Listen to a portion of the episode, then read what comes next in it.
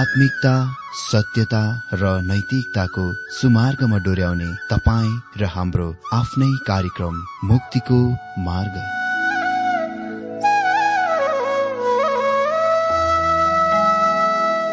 आदरणीय श्रोता यस मुक्तिको मार्ग कार्यक्रममा हार्दिक स्वागत छ। आशा छ यस आत्मिक कार्यक्रमद्वारा जीवनमा आत्मिक आशिष अलौकिक शान्ति र आनन्द प्राप्त गर्नुहुनेछ। र जीवनमा धन्य अनुभव गर्नुहुनेछ।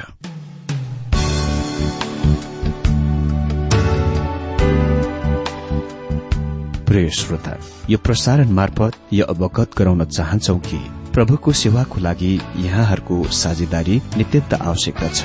यहाँहरूले प्रार्थनाको साथसाथै आर्थिक सहायता गर्न अनुरोध गर्दछौ। तपाईँहरूको सानोभन्दा सानो भेटी किन नहोस्? हामी प्रभुको नाममा स्वीकार गर्नेछौ प्रभुको सेवाको लागि। तपाईँहरूको यो सानो लगानीले कसैको जीवनमा भिन्नता ल्याउँछ अनि प्रभुको महिमा हुन्छ? प्रभु तपाईँहरूलाई महान गरी आशिष दिनुहुनेछ।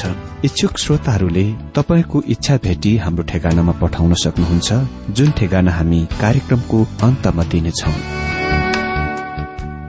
प्रिय श्रोता मित्र आज हामी बाइबल अध्ययन प्रकाश तीन अध्यय सातदेखि लिएर तेह्र पदबाट अध्ययन गर्न गइरहेका छौं। यहाँ हामी मुख्य विषयको रूपमा देख्नेछौ फिलिडेल्फियामा भएको मण्डलीलाई ख्रिष्टको पत्र। फिलिडेल्फियामा भएको मण्डलीले लगभग उन्नाइसौं शताब्दीदेखि आरम्भ भएर स्वर्गीय यात्रा समय अवधिसम्मका ती चर्चहरूको मण्डलीहरूको प्रतिनिधित्व गर्दछ जुनलाई म पुनर्जीवित मण्डली भन्दछु। यो नै मण्डली परमेश्वरको वचनतिर फर्किआएको छ। आज प्रोटेस्टेन्टवाद र रोमन क्याथोलिकवाद मण्डलीमा पनि त्यहाँ हजारौं मानिसहरू छन् जो परमेश्वरको वचनतिर फर्किरहेका छन्। हामीले पूरा संसारबाट प्राप्त गरेका पत्रहरूले यो संकेत गर्दछ त्यहाँ मानिसहरू छन् जो परमेश्वरको वचन सुन्न चाहिरहेका छन्। र यसको लागि तिनीहरू भोका र प्यास छन्।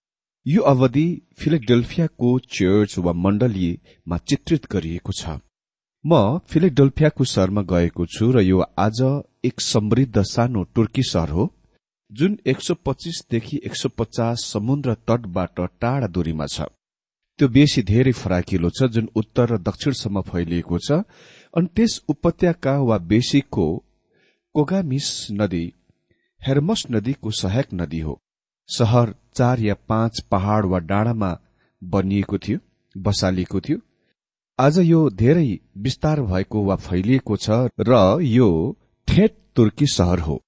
फिलेडेल्फिया भूकम्प प्रभावित क्षेत्रमा स्थित छ। त्यस क्षेत्रका ठूला जनसंख्या मुख्यतय भूकम्पहरूको कारण अनि निश्चय नै लडाई युद्धको कारण त्यस ठाउँ छोडेर अर्को ठाउँतिर गएथे जब टेमरलेन र अन्य महान अन्य जाति शासकहरू पूर्वबाट आए अनि त्यो समयमा त्यहाँ छोडिएकाहरू वा त्यहाँ नै रहेकालाई नरसंहार गरिएका थिए सर्वनाश गरिएका थिए।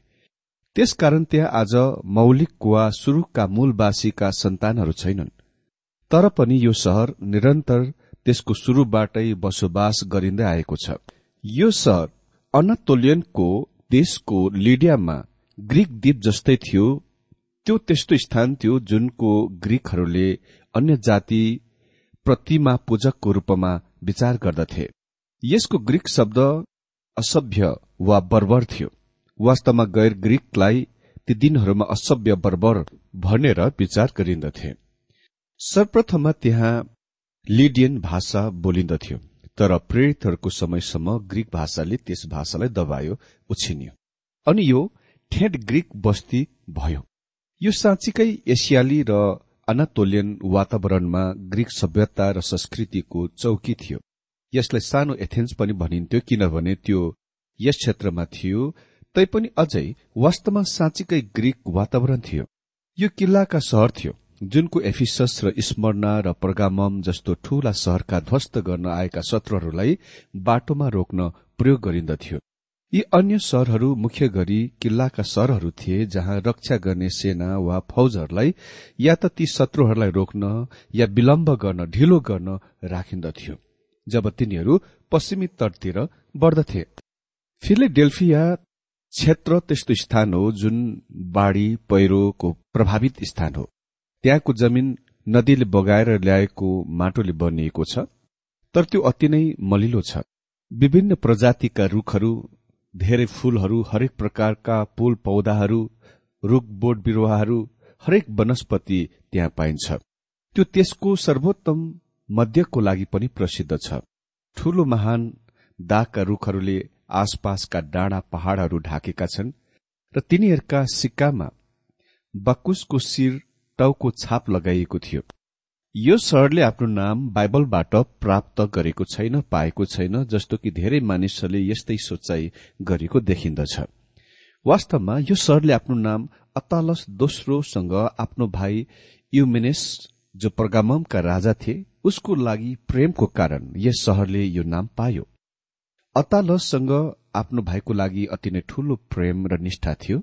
त्यसकै कारण यसलाई भाइ भाइको प्रेमको वा भातृ प्रेमको शहर पनि भनिन्दछ ईस्वी सम्बत सन्तानब्बेमा महान भूकम्पले यस शहरमाथि प्रहार गर्यो र यसलाई पूर्ण रूपमा ध्वस्त गर्यो। उही भूकम्पले पूर्ण रूपमा साडिस र त्यसका क्षेत्रका अन्य धेरै शहरहरूलाई नष्ट गर्यो। त्यस समयको रोमी सम्राट टिबेरियसले यी शहरहरूका पुननिर्माणको लागि प्रशस्त रूपियाँ पैसा छुटाए। र तिनीहरूका पुनस्थापन गरिए पुननिर्माण गरिए। स्मृणाको अतिरिक्त यो एक मण्डली हो जुनको लागि हाम्रा प्रभुसँग निन्दाको कुनै वचन छैन। किन? त्यो परमेश्वरको वचनतिर फर्क्यो। यो चाखलाग्दो कुरा छ कि यी दुई मण्डलीहरूका स्थान जुनलाई उहाँले कति पनि निन्दाको वचन दिनु भएन तिनीहरू अझै अस्तित्वमा छन्।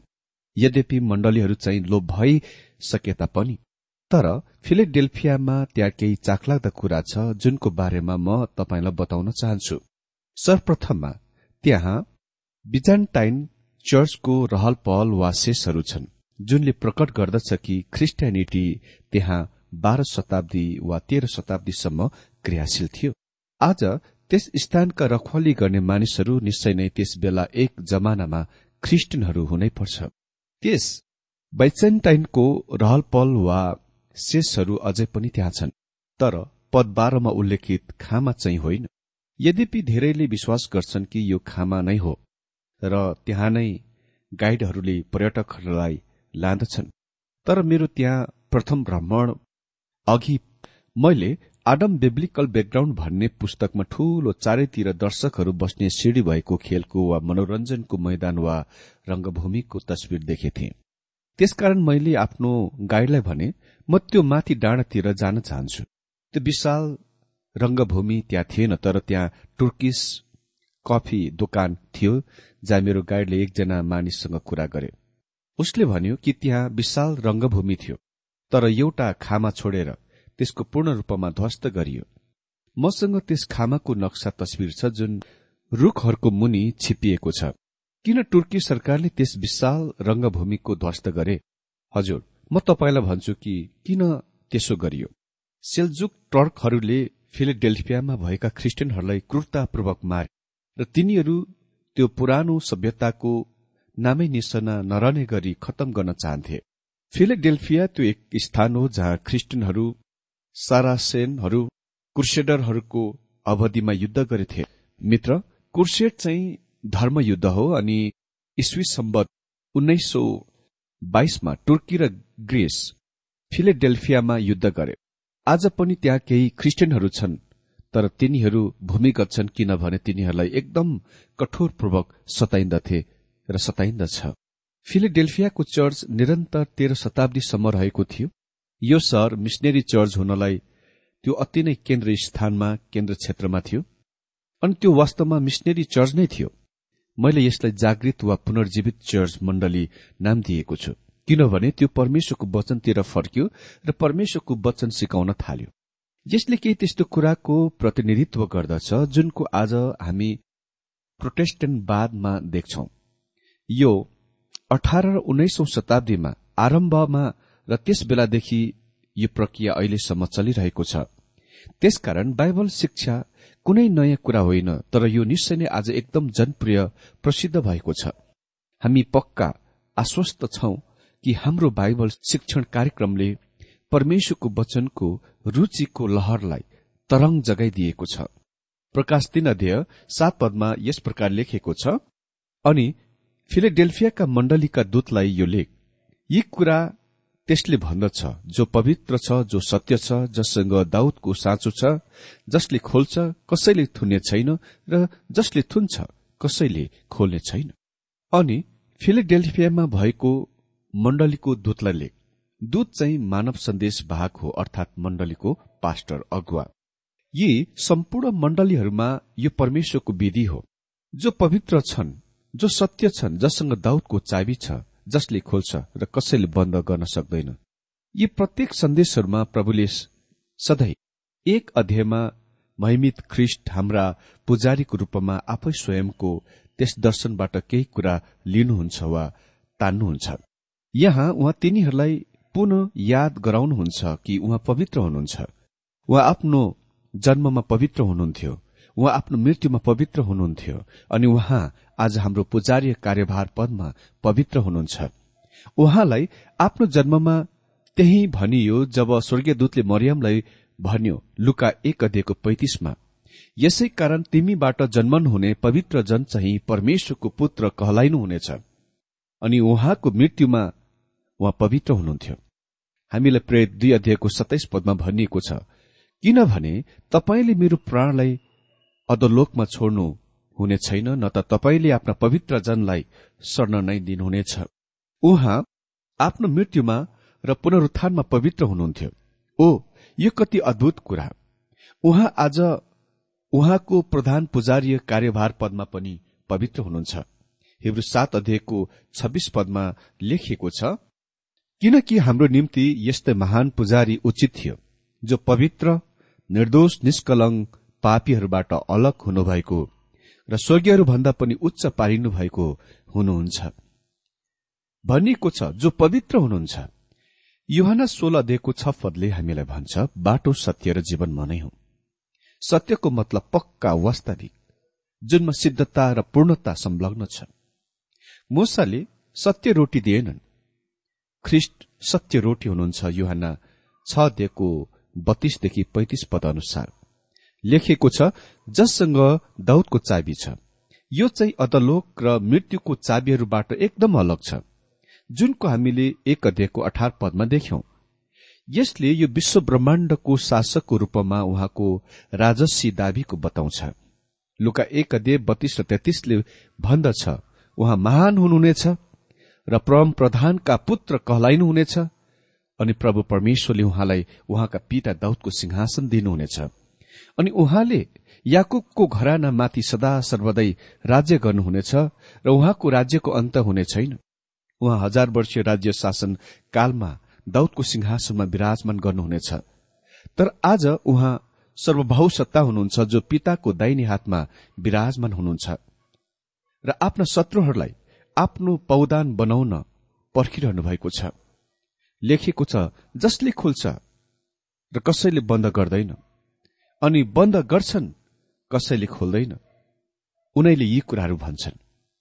उहाँ नै एक हुनुहुन्छ जो आज खोल्न र बन्द गर्न सक्नुहुन्छ। त्यसकारण उहाँ हाम्रो निम्ति सान्त्वना हुनुहुन्छ। मती अठाइस दिएको अठारदेखि बीस पद। प्रकाश तीन अध्ययको आठ पदमा लेखिएको छ मलाई तिम्रा कामहरू थाहा छ। हेर मैले तिम्रा सामुन्ने ढोका खुला राखिदिएको छु जो कसैले थुन्न सक्दैन। तिमीसँग थोरै शक्ति छ भन्ने मलाई थाहा छ। तापनि तिमीले मेरो वचन पालन गरेका छौ र मेरो नौ इन्कार गरेका छैनौ। फिलेडेल्फियाको मण्डली अति नै धेरै परमेश्वरको वचनप्रति सत्यनिष्ठ र विश्वासयोग्य थियो। हाम्रो दिनमा यसलाई प्रतिनिधित्व गर्ने मण्डलीलाई प्रोटेस्टेन्टवाद प्रोटेस्टेन्ट चर्च वा रोमन क्याथोलिक चर्च वा अरू कुनै चर्च भन्न सकिँदैन। वास्तवमा यसले विश्वभरका चर्च वा मण्डलीहरूको चाहे तिनीहरू जुनसुकै सम्प्रदायका हुन् प्रतिनिधित्व गर्दछ जुन अझै परमेश्वरको वचनप्रति सत्य विश्वासयोग्य र निष्ठावान रहेका छन्। प्रभुले फिलिडोल्फिया मण्डलीलाई सात कुराहरूमा प्रशंसा गर्नुहुन्छ। पहिलो तिम्रा कामहरू म जान्दछु। प्रभु येशु फलहरूको हेरिरहनु भएको छ। उहाँ विश्वासीहरूको जीवनहरूमा कामहरूको हेरिरहनु भएको छ। आशा गरिरहनु भएको छ।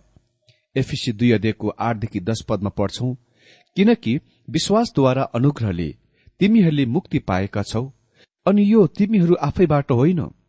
यो परमेश्वरको वचनको दान हो। कामहरूबाट होइन।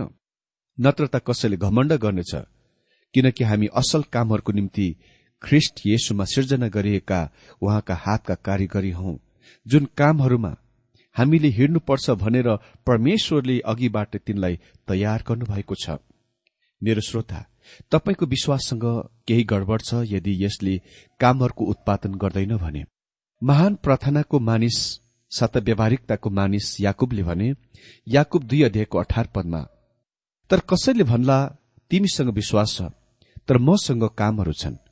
तिम्रो विश्वास तिम्रा कामहरू बिना मलाई देखाऊ र म तिमीलाई मेरो विश्वास मेरो कामहरूद्वारा देखाउँछु। कामहरू व्यवस्थाका कामहरू होइन तर विश्वासका कामहरू। काल्विनले भने केवल विश्वासले मात्र बचाउँछ। उद्धार गर्छ तर बचाउने उद्धार गर्ने विश्वास एक्लै होइन। उद्धार गर्ने विश्वासले कामहरूको उत्पादन गर्दछ। दोस्रो हेर मैले तिम्रा सामु एउटा खुला ढोका राखेको छु। अनि कसैले यो बन्द गर्न सक्दैन? यो प्रभुको वा शास्त्रको ज्ञानको आनन्दको ढोका हुन सक्छ। म व्यक्तिगत रूपले विश्वास गर्दछु कि यो चाहिँ शास्त्रहरूको ज्ञानको ढोका हो जुनको मतलब हो यदि उहाँले ढोका खोल्नुहुन्छ भने उहाँ यसलाई तपाईँबाट अगाडि बढाएको इरादा गर्नुहुन्छ। किनकि उहाँले साक्षी दिनको लागि र परमेश्वरको वचनको घोषणा गर्नको लागि अवसरको ढोका खोलिदिनुहुनेछ। म विश्वास गर्दछु कि दुवै एकसाथमा जान्छ। अनि तेस्रो किनकि तिमीसित थोरै शक्ति छ। मित्र यो नम्र दिन विश्वासीहरूको समूह थियो। जुनमा त्यति धेरै संख्यामा विश्वासीहरू थिएनन्। आकर्षक मण्डली भवन आकर्षक कार्यक्रम योजनाहरू थिएन्। आज क्रिस्चियन समूहहरूले बनाएका रिपोर्टहरू सुनेर थकित हुन्छु। हामीले यो फल्ना फल्ना फल्ना गर्यौं अनि यस्तो फल्ना फल्ना काम भयो र काम भइरहेको छ इत्यादि। श्रोता हामीले गरेका कुराहरूको बारेमा कुरा गर्न हामी धेरै मन पराउँछौ। चाहे हामी कुनै प्रकारको ख्रिस्टियन सेवा गरिरहेका छौं त्यो महत्वपूर्ण छैन। तर महत्वपूर्ण कुरा चाहिँ के हामीले परमेश्वरको वचन बाहिर दिइरहेका छौं त? उहाँले यसको गनिरहनु भएको छ र लेखा टिपिरहनु भएको छ। परमेश्वरसँग आफ्नो कम्प्युटर छ जुनले यी सबै कुराको दर्ता रेकर्ड गरिरहेको छ। त्यसकारण हामीले आफ्ना कामहरूको बढाई चढाई नगर्दा नै असल होला। प्रेत पावरले भने पहिलो कुरन्ती चारको तिनमा अ म आफै पनि आफैलाई जाँच गर्दिन। किन त? भन्दा भावमा उनी भनिरहेका छन् म धेरै ख्रिस्टमा विश्वासमा ल्याएकाहरूको धेरै मानिसहरूको रिपोर्ट दिन सक्छु र मैले गलत आँकडा दिइरहेको हुन सक्छ। म यसमा परमेश्वरको भन्दा अलिकति बेग्लै तरिकामा हेर्न सक्छु। यसको बिल्कुल सही गन्ती वा आँकडा दिने कुराको लागि उहाँको उपस्थितिमा प्रवेश नगरुन्जेलसम्म पर्खन आवश्यक छ। तब मात्र बिल्कुल सही आँकडा सही प्रतिवेदनको जानिनेछ चौथो अनि तिमीले मेरो वाचा पालन गरेका छौ। त्यस्तो दिनमा जब शास्त्रहरूको प्रेरणाको अस्वीकार वा इन्क्वायरको समयमा यो मण्डलीले बाइबल प्रमाणिक परमेश्वरको प्रमाणित वचन भएको हो भनी विश्वास गर्यो। विश्व शताब्दीका स्वतन्त्रवादी धर्म विद्वानहरूले भने कि कोही पनि ज्ञानी बुद्धिमान व्यक्तिले बाइबलको मौखिक प्रेरणामा विश्वास गर्न सक्दैन। मित्र त्यहाँ हजारौं एकदमै ज्ञानी बुद्धि मानिसहरू छन् जसले बाइबलको प्रेरणामा विश्वास गर्छन्। पाँचौं मेरो नाम इन्कार गरेका छैनौ। धेरै बाइबल कलेज र मण्डलीद्वारा नराम्रो गरी ख्रिस्टको ईश्वरत्वलाई इन्कार गरिएको बेला यहाँ विश्वासीहरूको एक झुण्ड छन् जो उहाँप्रति निष्ठवान विश्वासयोग्य र सत्य रहिरहेका छन्। मानव अवतारमा आउनुभएको परमेश्वरको र पापीहरूको लागि उहाँको प्रतिस्थापक मृत्युको लागि घोषणा गर्दै यो फिलडेल्फियामा भएको मण्डली धेरै नाम उपाधि दिइएको छ। कसैले यसलाई मिसनरी चर्च भनेका छन्? कसैले यसलाई सेवा गर्ने चर्च भनेका छन्? कसैले यसलाई जीवित चर्च भनेका छन्? यो सबै नामहरू बिल्कुल सही छन्। म व्यक्तिगत रूपमा यस मण्डलीलाई जागृत जीवित मण्डली वा बाइबलमा विश्वास गर्ने मण्डली भन्न मन पराउँछु। यो बाइबल चर्च हो। प्रभु येशुले जोड़ दिनुभएको कुरा यो हो तिमीले मेरो वचन पालन गरेका छौ र मेरो नाम इन्कार गरेका छैनौ। अविश्वास र सन्देहको त्यस दिनमा प्रभु येशुले यस मण्डलीलाई प्रशंसा गरिरहनु भएको छ किनभने त्यसले उहाँको वचनको पालन गरेको छ। यो मण्डलीले परमेश्वरको वचन बाहिर दिइरहेको थियो अनि जहाँसम्म मेरो जानकारी अनुसार प्रकाशको पुस्तकमा उल्लेखित अरू सात मण्डली मध्येमा यो सबभन्दा धेरै अस्तित्वमा रह्यो। र यो तेह्रौं शताब्दीसम्म निरन्तर अस्तित्वमा रहेको थियो। यसको सेलजुक टर्कहरूद्वारा नष्ट गरिएको थियो जब तिनीहरू त्यस मुलुकमा आएर सम्पूर्ण विश्वासी ख्रिस्टियनहरूलाई कुर्तापूर्वक मारे जो यस मण्डलीमा बाँकी छोडिएका थिए। त्यो मिसनरी मण्डली पनि थियो।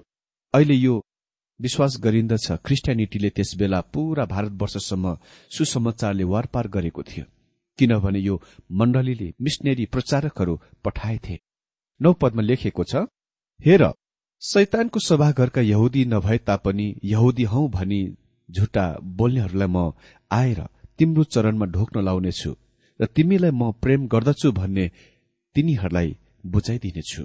इसरायलका बाँकी रहेका भक्तजनहरू ईश्वरीय भक्तजनहरू जसलाई हामी अंग्रेजीमा रेमनेन्टहरू भन्छौं जसले उद्धार पाएका थिए यस समयसम्ममा सभाघर छोडिसकेका थिए। तिनीहरूले उद्धारको र धर्मी थरिने र पवित्रकरणको माध्यमको रूपमा व्यवस्था त्यागे। सभाघरमा अहिलेसम्म निरन्तर रहिरहने झुण्ड झुटा धर्ममा थिए। पावल स्पष्ट पार्छन् रोमी नौ अध्ययको छपद किनभने जो इसरायलकै वंशका हुन् उनीहरू सबै इसरायली होइनन्। तिनीहरू कति पनि सत्य पक्का यहुदी रहिरहेका थिएनन्। उसले विचार गरे कि पक्का यहुदी तिनै हुन् जो ख्रिस्टमा फर्किआए। इग्नाटियस र ट्रेन्च अनुसार र भिन्सेन्टद्वारा रिपोर्ट दिए अनुसार यसले स्थानीय परिस्थितिको संकेत गर्दछ जहाँ यहुदी धर्मबाट ख्रिस्टमा विश्वासमा आउनेहरूले त्यो विश्वासको प्रचार गरे जुनको तिनीहरूले एक समयमा इन्कार गरेथे। हजुर रोमी साम्राज्यले रोमी साम्राज्यको उपनिवेशमा बसोबास गराउने उद्देश्यको लागि यहुदीहरूलाई प्रयोग गर्थे। तिनीहरूले निरन्तर तिनीहरूका बस्तीलाई विदेश क्षेत्रमा पठाउँथे र तिनीहरूले यस खण्डमा भागमा आए। अनि यो नै कारण त्यहाँ धेरै यहुदीहरू थिए। छैटौं हेर म तिमीहरूलाई आउने र तिम्रो चरणमा दण्डवत गर्ने र मैले तिनीहरूलाई प्रेम गरेको छु भनी थाहा पाउने बनाउने छु। प्रभु येशुले यहाँ भन्नुहुन्छ उहाँले फिलेडेल्फिया मण्डलीको शत्रुहरूलाई यो थाहा पाउने बनाउनुहुनेछ कि उहाँ यो मण्डलीलाई कति धेरै प्रेम गर्नुहुन्छ। यो चाहिँ उहाँको प्रशंसाको छैटौं बुदा वा पोइन्ट हो। अनि दश पदमा लेखिएको छ तिमीले धैर्यको मेरो वचन पालन गरेका हुनाले तिमीलाई परीक्षाको त्यस बेलादेखि म बचाउनेछु जो पृथ्वीमा बास गर्ने मानिसहरूलाई जाँच गर्न सारा संसारमा आउनेवाला छ। अन्तिम प्रशंसाको वचन यो हो यस मण्डलीले ख्रिष्टको वचनलाई धीरजमा पालन गर्यो। त्यो निश्चय नै उहाँको आफ्नै जनहरूको लागि ख्रिष्टको आगमनको निम्ति धैर्य पर्खाइ हो। मित्र यो बीस शताब्दीमा अन्त्यको दिन वा अन्तिम दिनको सिद्धान्तहरू अघिका अरू कुनै समयभन्दा धेरै विस्तृत गरी विकास गरिएको छ? विगत साठी सत्तरी वर्षदेखि युरोप अमेरिका र पूरा संसारभरि नै ख्रिष्टको दोस्रो आगमनको सम्बन्धमा धेरै रुचि जागिएको छ। तिमीले मेरो धीरजको वचन पालन गरेका छौ। म विश्वास गर्छु परमेश्वर अझै विश्वसँग धीरज हुनुहुन्छ जुनले उहाँको वचन इन्कार गरे। यो पछाडि नुहाको दिनहरूमा जस्तो होइन। तिनीहरूसँग लिखित परमेश्वरको वचन थिएन। तैपनि परमेश्वरले तिनीहरूलाई दण्ड दिनुभयो। तिनीहरूसँग मानिसले ल्याएको सन्देश थियो तर आज हामीसँग परमेश्वरको वचन छ। गिद्योन बाइबल जताततै होटलहरू हुँदी हस्पिटल हुँदी अनि गेस्ट हाउसतिर पाइन्छ। आज पूरा संसारमा परमेश्वरको वचन पुगिरहेको छ। फिलेडेल्फिया त्यो मण्डली हो जुनले परमेश्वरको वचनको विश्वास गर्यो। भनिएको छ यस कारण म तिमीलाई परीक्षाको घड़ीबाट जोगाउनेछु जुन चाहिँ पृथ्वीमा बस्नेहरूलाई जाँच्नको निम्ति सारा संसारमाथि आउनेछ।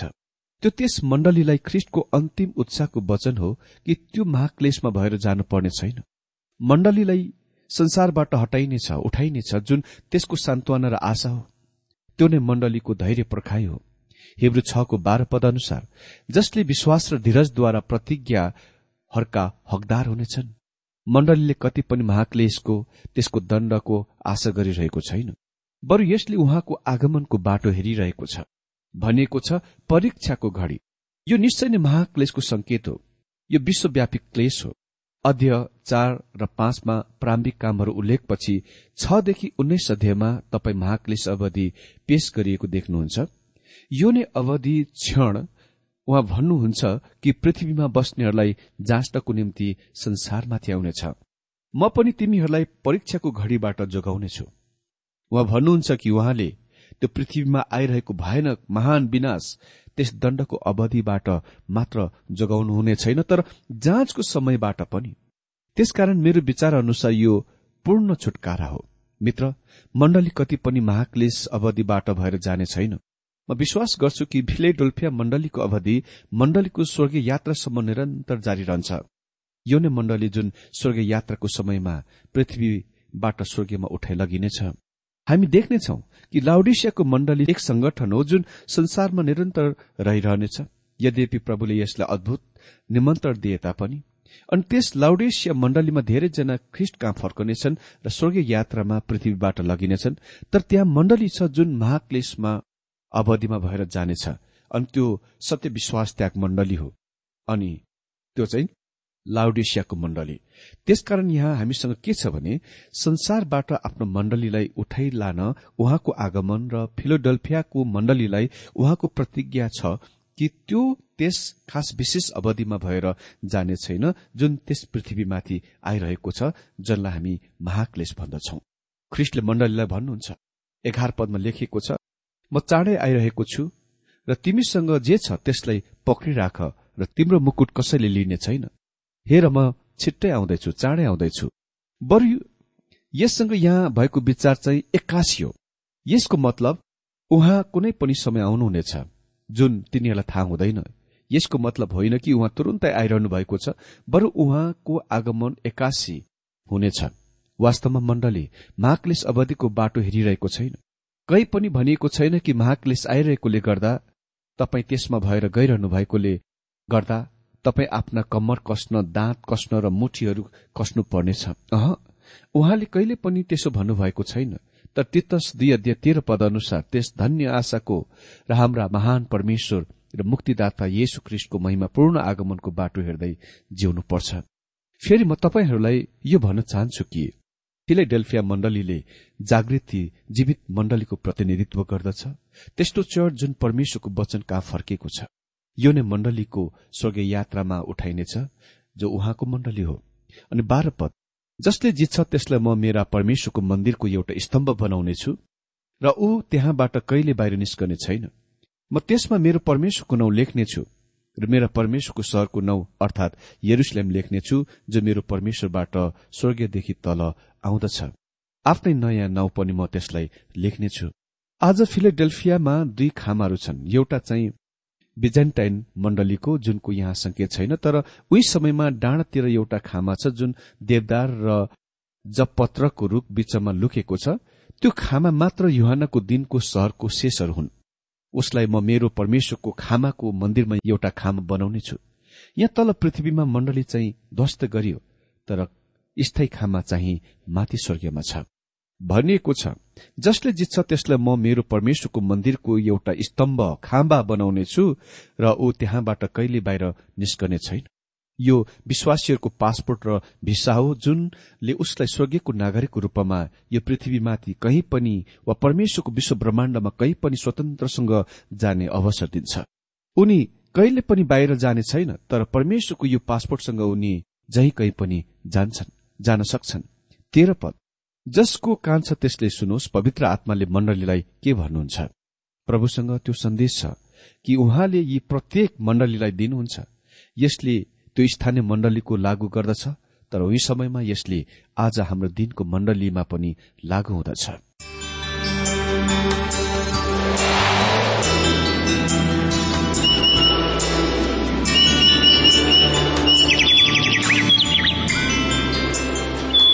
प्रिय श्रोता अहिले भर्खरै तपाईँले टीडब्ल्यूआर नेपालद्वारा सञ्चालित आत्मिक कार्यक्रम मुक्तिको मार्ग सुनिरहनु भएको थियो। श्रोता आजको यो कार्यक्रम सुनेर तपाईँलाई कस्तो लाग्यो? यदि यो कार्यक्रम सुनेर मनमा कुनै खुल्दुली वा कुनै प्रतिक्रिया अर्थात सुझावहरू छन् भने हामीलाई पत्रद्वारा लेख्न सक्नुहुनेछ। हामी हृदयदेखि नै स्वागत गर्नेछौ स्वीकार गर्नेछौ साथै बाइबल सम्बन्धित प्रचारहरू कार्यक्रम सारणीहरू हामी अनुरोधमा पठाउन सक्छौ। अनि तपाईँसँग कुनै प्रार्थनाको विषय छन् भने हामीले तपाईँको लागि प्रार्थना गरेको चाहनुहुन्छ। भने प्रभुमा आफ्नै परिवार सम्झेर हामीलाई पत्रमा लेख्न सक्नुहुनेछ। तपाईँको लागि हामी प्रभु येशुसँग प्रार्थना गर्नेछौ। अधिक जानकारी र पत्रचारको लागि हाम्रो ठेगाना यस प्रकार छ। कार्यक्रम मुक्तिको मार्ग जीपीओ नम्बर उनानब्बे पचहत्तर इपिसी पच्चिस एकसठी काठमाडौँ। ठेगाना एकपल्ट सुन्नुहोला। कार्यक्रम मुक्तिको मार्ग जीपीओ नम्बर उनानब्बे पचहत्तर इपिसी पच्चिस एकसठी काठमाडौँ। हाम्रो इमेल एड्रेस हो TWR Nepal at Yahoo dot com साथै यस नम्बरमा एसएमएस गर्न सक्नुहुनेछ अन्ठानब्बे चार सत्तरी पैतिस छ सय उनासी नौ आठ चार सात जिरो तीन पाँच छ सात नौ। हुन्छ श्रोता आजलाई हामी विदा चाहन्छौ। अर्को कार्यक्रममा हामी पुनः भेट्नेछौ तबसम्मलाई नमस्कार।